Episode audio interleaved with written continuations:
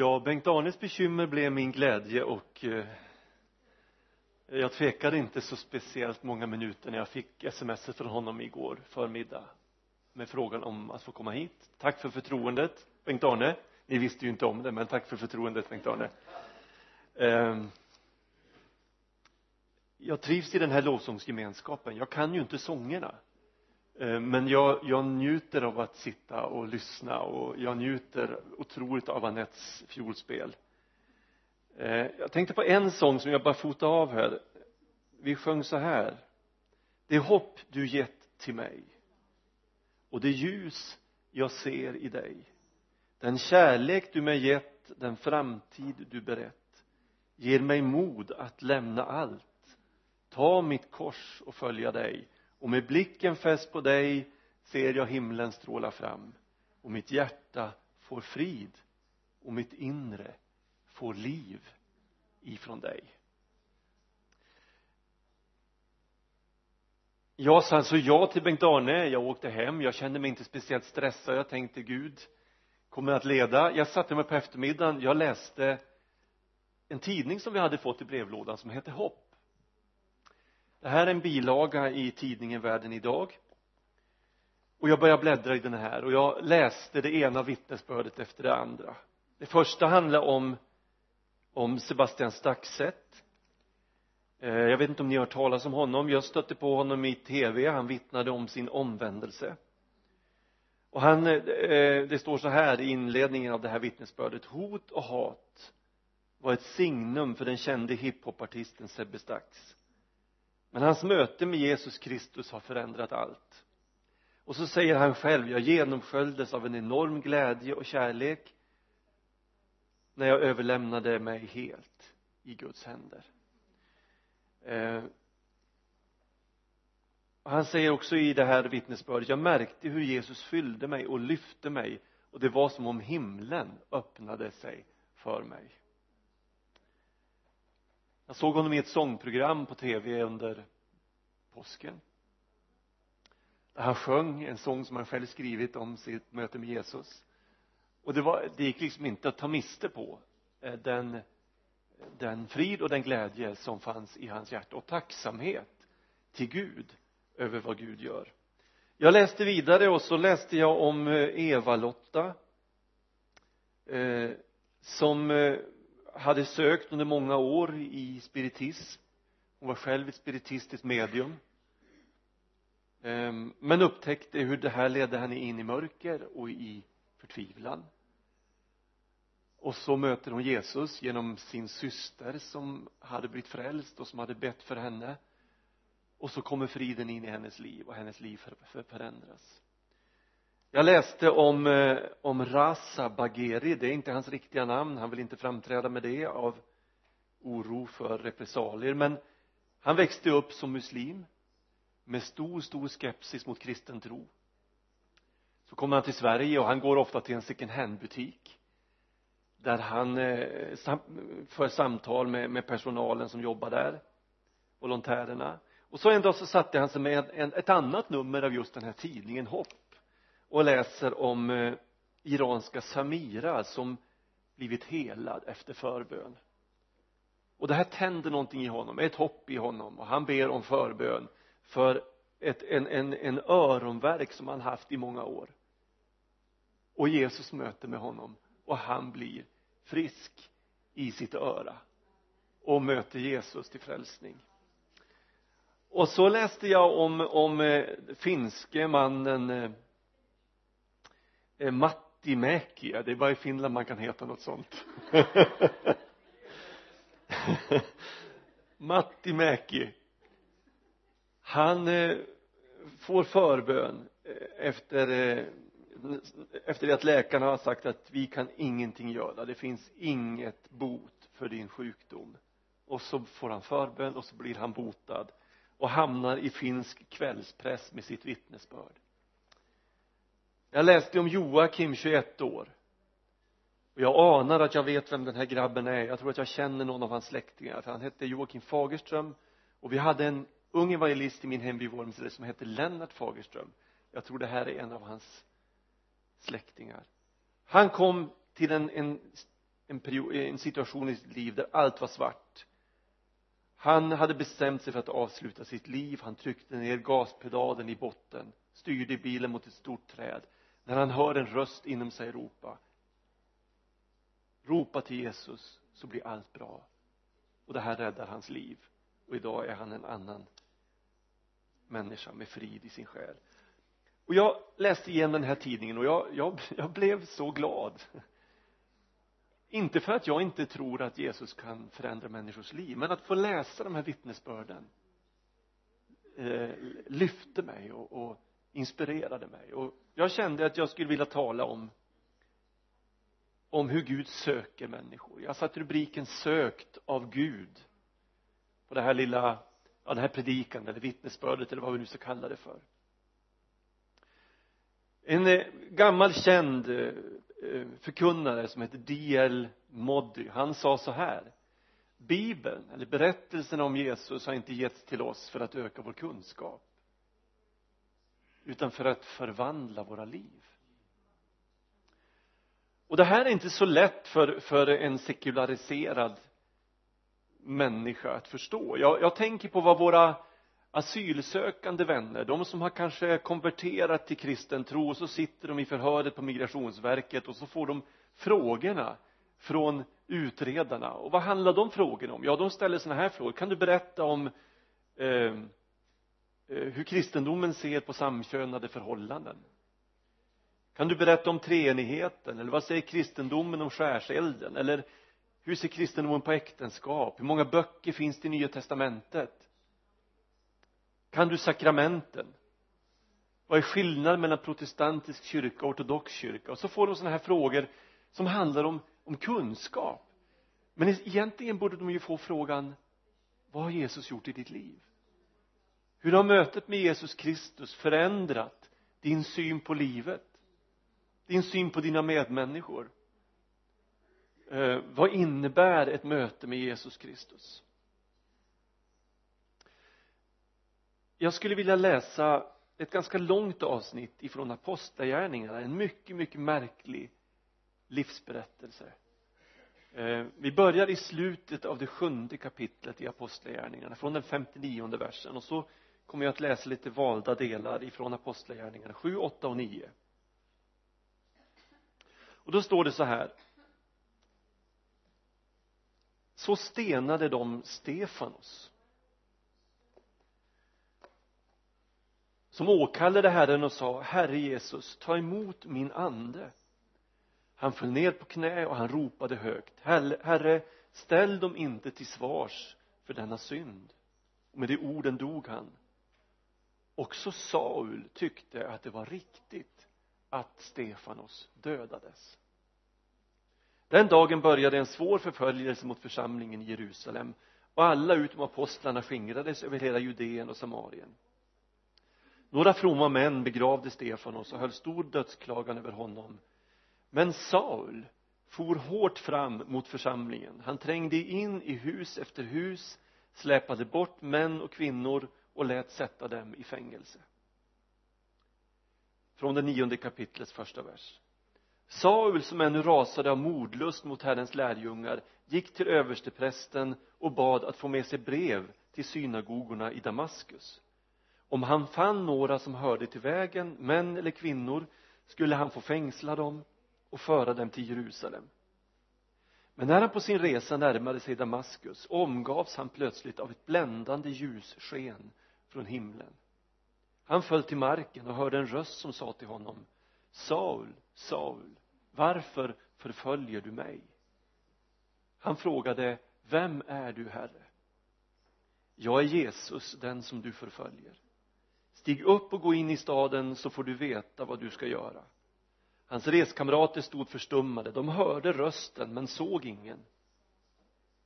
Saul reste sig upp men fast hans ögon var öppna så kunde han inte se. De tog honom då vid handen och ledde honom in i Damaskus.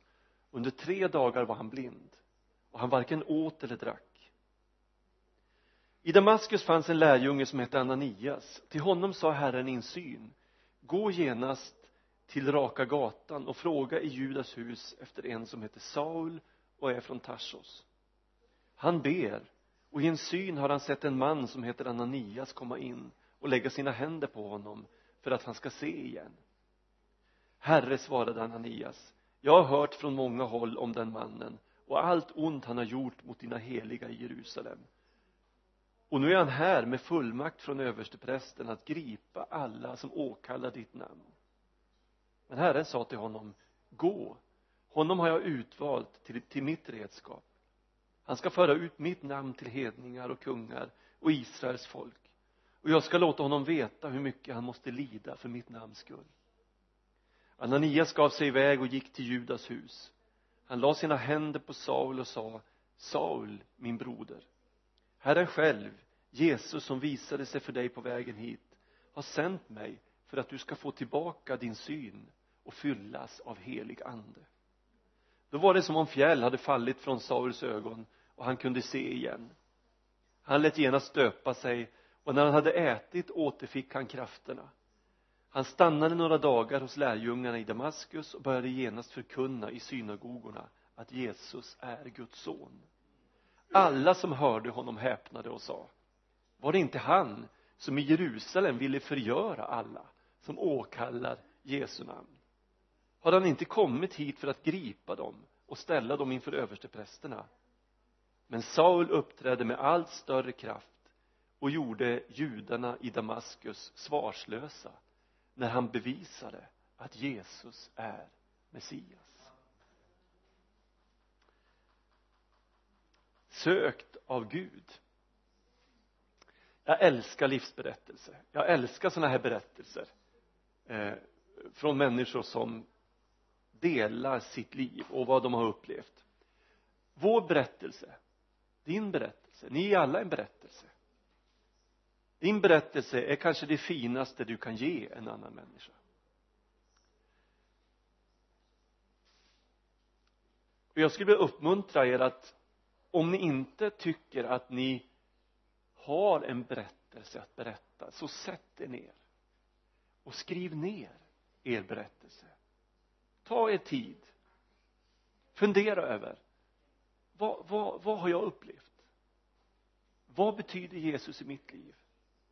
Skriv ner din berättelse för att kunna berätta den vidare. För din berättelse kan förändra en annan människas liv. Framförallt älskar jag berättelser där människor har blivit funna av Gud. Jag får aldrig nog av sådana berättelser.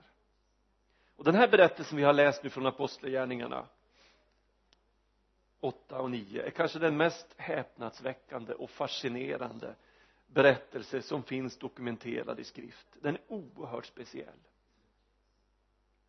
inte bara med tanke på det vi har läst eh, i de här verserna utan också med tanke på det som hänt tidigare och det som blir följden av att Saul eller Paulus som han senare kallas får ett möte med Gud. Texten säger oss framför allt något oerhört viktigt om Gud och hur Gud ser på oss människor. Jag skulle ändå vilja dela ännu en berättelse med er innan jag går in i den här texten. För ganska många år sedan så satt jag och tittade på tv och så hamnade jag i en intervju eh, med en kvinna som heter Elisabeth Sandlund. Jag hade aldrig sett henne förr. Visste inte alls vem hon var. Men den här intervjun handlade om hennes omvändelse till tro på Jesus och den här kvinnliga journalisten som intervjuade henne hon hon var märkbart eh, förvirrad och förundrad över det hon hörde från den här kvinnan Elisabet för Elisabet berättade om, om hur hon mitt i livet i 50-årsåldern en kvinna utan någon kontakt med kyrkan utan någon kristen bakgrund hade fått möta Jesus till frälsning. Och journalisten Eh, eh, ställde frågor från alla vinklingar. Och bland annat sa hon så här till henne. Hur kan du som är en intellektuell svensk kvinna mitt i livet, mitt i karriären eh, plötsligt välja att tro på det som står i en gammal bok? Hur kan du tro på att att denne Jesus som du säger att du tror på gjorde under. Hur kan du tro på att han gick på vattnet? Hur kan du tro på att han föddes genom ett under av Gud ur en jungfrus sköte hur kan du tro på detta? Hon satt lugnt tillbakalutat och log mot journalisten och så sa hon vet du jag har köpt hela paketet. Och det var så befriande att höra henne berätta detta. Hon skrev senare en bok som heter eh, eh, ja vad heter boken? Drabbad av det oväntade heter den där hon berättar om sin eh, omvändelse. Låt mig bara kort återge eh, en bit av den här berättelsen. Eh, hon befinner sig på ett, ett konfirmationsläger för sin handikappade dotter, sin utvecklingsstörda dotter. Eh, de sitter där i gudstjänsten, hon och hennes man och jag tror en syster och så den här dottern då. Och det blir dags för nattvard. Eh, och eh, hon, hon knuffar sin man i sidan och, och, och säger att nu får du gå fram. Jag tänker inte göra det. Mannen säger samma sak. Jag tänker inte gå fram. Båda är ateister. Ingen tror på Gud. Men de ser dottern gå fram där. De ser den ena föräldern efter den andra gå fram. Och, och hon tänker jag kan ju inte låta min dotter gå fram själv. Jag måste göra detta för min dotters skull. Så hon reser sig upp hon går fram till nattvardsbordet och när hon kommer fram till det här nattvardsbordet så händer det som kanske inte händer så ofta. Oblaten, brödet tar slut. Och det blir en kort paus när hon står där vid nattvardsbordet. Prästen går och hämtar mer bröd. Och de där korta sekunderna när prästen går och hämtar mera bröd räcker för att Gud ska drabba Elisabet. Hon står där och så tänker hon det är inte för min, det är inte för min dotters skull jag står här det är för min egen skull. Och så tar hon nattvarden och hon blir så oerhört berörd av Gud. Eh, och jag ska fortsätta den här berättelsen lite senare. Det kallas för en cliffhanger. Det vet ni va? Har ni inte hört berättelsen så sitter ni och tänker vad händer sen? Ja det är spännande. Paulus eller Saul som han, het, som han benämns i texten vi läste. Han framstår som en religiös fanatiker. Någonstans i 35-årsåldern som inte skyr några medel för att försvara det han tror på. Han är som ett rovdjur. Som målmedvetet och uthålligt jagar offer efter offer. Han betraktar den här gruppen av människor runt omkring Jesus som en farlig sekt. Som påstår att den korsfäste uppstått ifrån de döda och är den utlovade Messias. Och det här fyller Paulus med sånt raseri att han bestämmer sig för att med tempelpolisens hjälp utrota den här företeelsen. Senare i sitt liv berättar Paulus att han hade översteprästen och hela det judiska rådet bakom sig. Han handlade alltså med en fullmakt ifrån den religiösa eliten i Jerusalem. Det var ett allvarligt försök att kväva den unga kristna kyrkan i sin linda. Det skulle visa sig fruktlöst. Vem var Paulus? Eh, ja Saul det var hans judiska namn. Paulus det var hans grekiska namn. Han var född hebre alltså han var född jude hebre född av hebreer en israelit från Benjamins stam. Sitt namn hade han troligen fått efter stammens stoltaste ättling Israels förste kung kung Saul. Han växte upp i Tarsos en romersk provins eh, Kilikiens huvudstad belägen i nuvarande södra Turkiet. Här möttes öst och väst i ett väldigt rike som sträckte sig från Atlantens kust i väster eh, till floden Eufrat i nuvarande Irak i öster. Det väldiga romarriket. Redan flera hundra år innan Paulus föddes och levde i Tarsus så var Tarsus en stor och blomstrande stad där grekisk orientalisk kultur mixade samman i en spännande blandning. Stadens universitet var berömt. Det kunde mäta sig med Atens berömda akademi. Framstående filosofer samlade stora grupper i den här staden här fanns också en betydande judisk koloni. Här fanns stora synagogor. Och här bodde Paulus under sin uppväxt ända tills han började högre studier i Jerusalem i en ålder motsvarande vår gymnasieålder. Paulus var tvåspråkig. I Tarsos där var grekiskan det dominerande språket. I hemmet var antagligen hebreiskan, möjligtvis arameiskan det första språket. Bibelcitaten i Paulus brev visar att den bibel som han hade i hemmet, alltså det gamla testamentet som han hade i hemmet var Septuaginta, den grekiska översättningen av judarnas heliga skrifter. Pappan var av okänd anledning både jude av födseln och romersk medborgare vilket gav Paulus per automatik ett romerskt medborgarskap och båda de här sakerna skulle visa sig vara oerhört värdefulla i den plan som Gud hade för Paulus. Han var en lysande stjärna kan man säga i det fariseiska partiet i Jerusalem. Han hade gått i rabbinskola hos en av de absolut största rabbinerna Gamaliel som i sin tur var lärjunge till den ännu mer berömde rabbinen Hillel.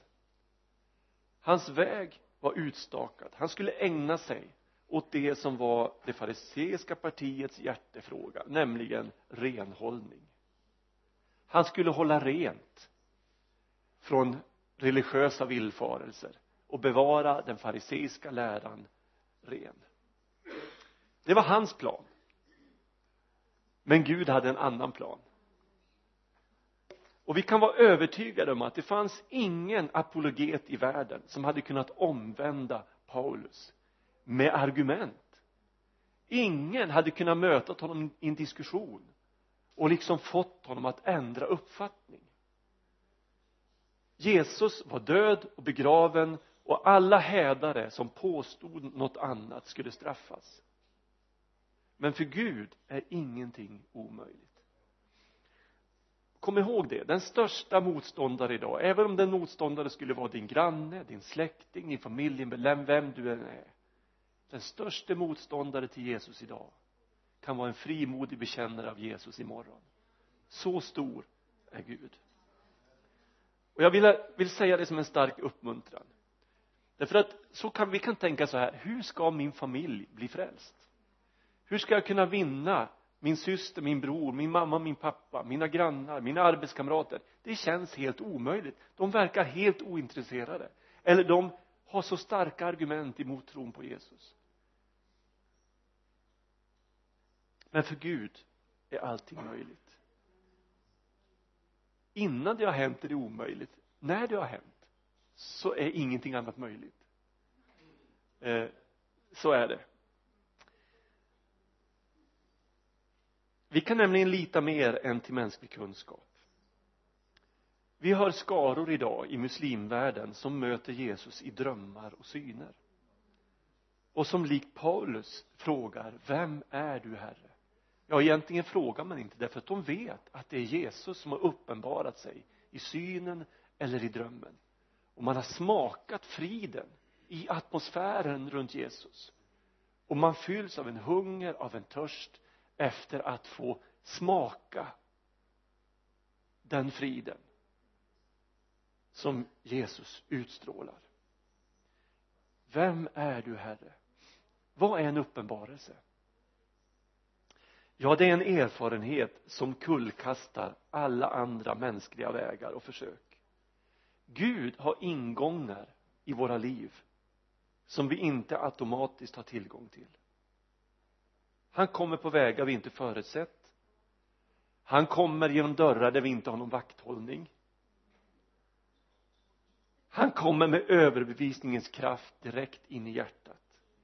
Inte så att han sätter vår fria vilja ur spel men han ger oss förutsättningarna att välja med alla korten på bordet. Det är därför Hebreerbrevets författare kan säga så här tron ger oss visshet om det vi inte kan se det är därför Paulus kan skriva mitt liv precis som alla andra som var mörker. Jag var blind. Jag kunde inget se. Men han som sa var det ljus? Han lyste upp mitt hjärta. För att kunskapen om Guds härlighet som strålar från Kristi ansikte ska sprida sitt sken. Denna skatt har jag i lerkärl för att den väldiga kraften inte ska vara eh, eh, för att den väldiga kraften ska vara Guds och inte komma från mig. Om han inte kom i kärlek så vore det obehagligt. Det är aldrig roligt när någon smyger sig in bakvägar eller tar sig in genom dörrar där vi inte har låst. Så kom han inte i kärlek så vore det obehagligt. Men nu kommer han som har skapat oss. Kärlekens, nådens, barmhärtighetens Gud i största ömhet och medkänsla för att hjälpa oss att hitta hem. Jag tänker på Elisabet som jag börjar berätta om här Sebastian Rasa, Eva-Lotta, Joakim, Lasse vittnesbörden från människor i den här tidningen Hopp. Jag tänker på dem, hur Gud kom till dem i nåd och kärlek. Han kommer också till Paulus han har nästan avverkat de 25 milen mellan Jerusalem och Damaskus när ljuset, Jesus själv faller in i hans liv och värld och vänder upp och ner på allt. Vad blir det för konsekvenser av uppenbarelsens ljus? Ja för Paulus börjar tre dagar av mörker. Han kan inte se. Han har ingen aptit han, han varken äter eller dricker. Självprövningen, chocken i Paulus liv är nästan outhärdlig. Att se sig själv i Guds ljus är inte alltid en behaglig upplevelse. Det blir en, ett förkrossande möte med mig själv. För Paulus ett förkrossande möte med sig själv som skulle få honom att tala om sig själv som den störste bland syndare. Men sorgen vänds i uppståndelse och ljus. Och det är som profeten säger Gud bor i helighet i höjden men också hos den som är ödmjuk och har ett förkrossat hjärta. Paulus fylls av den helige ande läser vi i texten och upplever förlåtelsens ljus och kraft i sitt hjärta. Då var det som om fjäll hade fallit från, från Sauls ögon och han kunde se igen. Han lät genast döpa sig och när han hade ätit återfick han krafterna. Han stannade några dagar hos lärjungarna i Damaskus och började genast förkunna i synagogorna att Jesus är Guds son. Alla som hörde honom eh, häpnade och sa var det inte han som i Jerusalem ville förgöra alla som åkallar Jesu namn? Han inte kommit hit för att gripa dem och ställa dem inför översteprästerna? Men Saul uppträdde med allt större kraft och gjorde judarna i Damaskus svarslösa när han bevisade att Jesus är Messias. Paulus led martyrdöden genom halshuggning år 67 efter Kristus under, under kejsar Claudius förföljelse. Men innan han drog sin sista sitt sista andetag här på jorden. Innan svärdet ändade hans liv så hade han gjort det som blev hans kallelse. Utifrån det livsavgörande mötet med Jesus. Han hade fört ut Jesu namn till hedningar och kungar och Israels folk. Så står det i bibeln. Guds plan med Paulus liv fullbordades på grund av Guds kärlek och nåd. På grund av att Gud söker människor för att förverkliga sin vilja med våra liv. Och jag tycker det här är så stort. Låt mig sluta med att berätta vad som hände med Elisabet.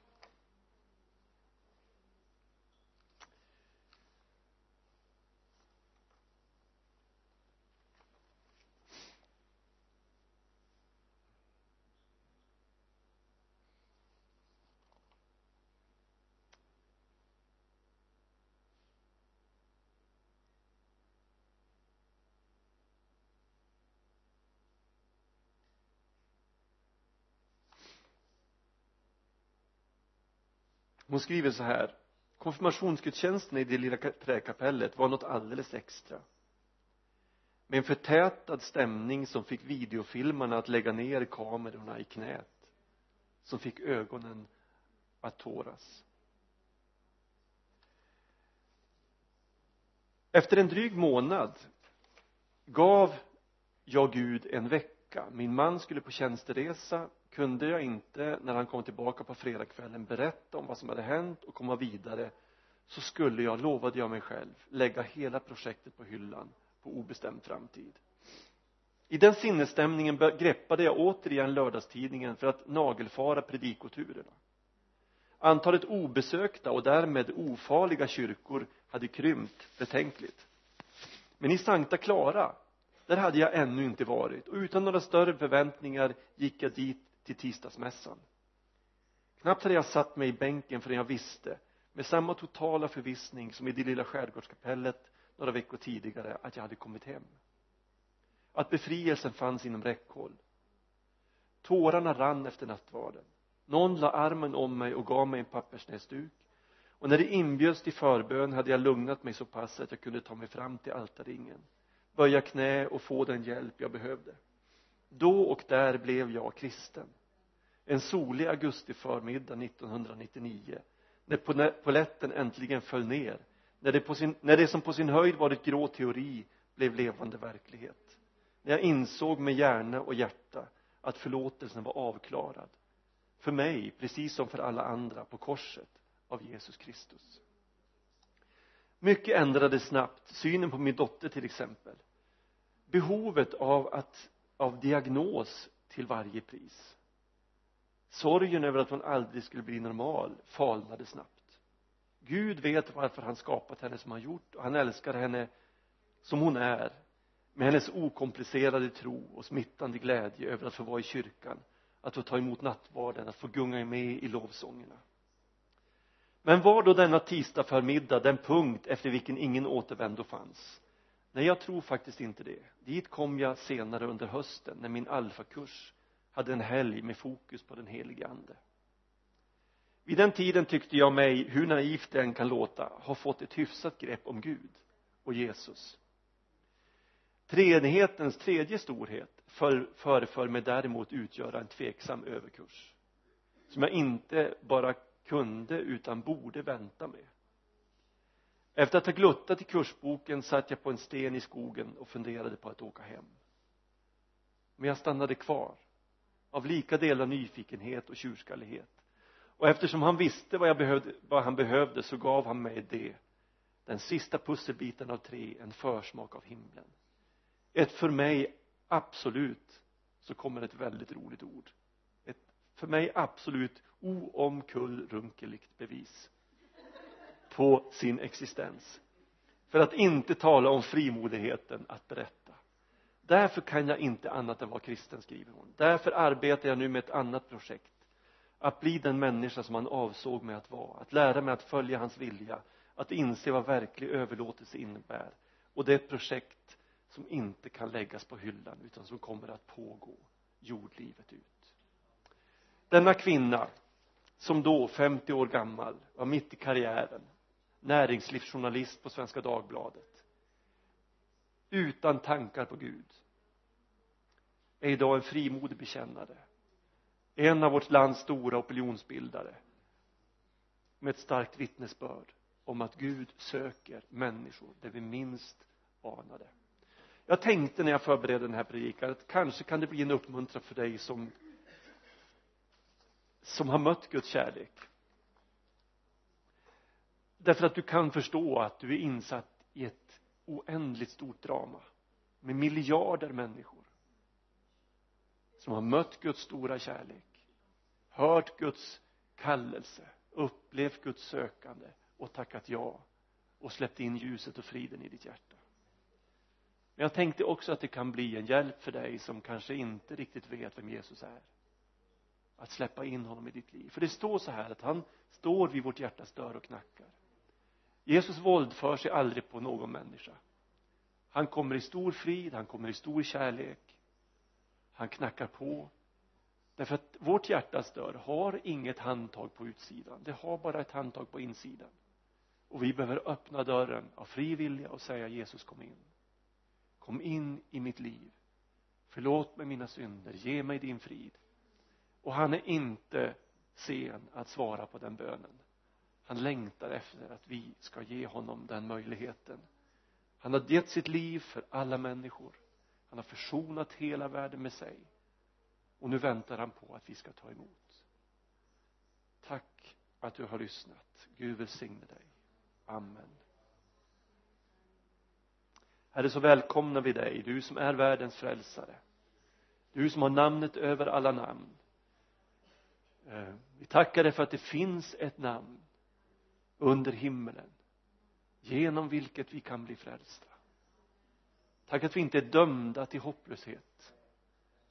Tack att livet inte är en enda stor återvändsgränd utan du har öppnat en väg för alla människor ända fram till Guds tron. Och tack för löftet i ditt ord att vi med frimodighet får närma oss Guds tron i den stund när vi behöver hjälp och vi får läsa att du är inte oförmögen att känna med oss i vår svaghet för du har prövats i allt som vi. Du vet vad det är att vara människa.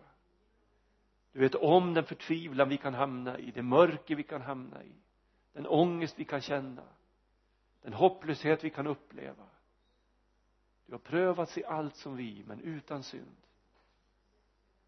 Tack att vi får komma med frimodighet för att få nåd i den stunden vi behöver det. För att få hjälp i den stunden vi behöver det. Tack att du är här just nu. Du är inte långt borta från någon enda av oss. Du finns i vår mun. Du finns i vårt hjärta. Och när vi tar frimodigheten att bekänna vår tro på dig Jesus.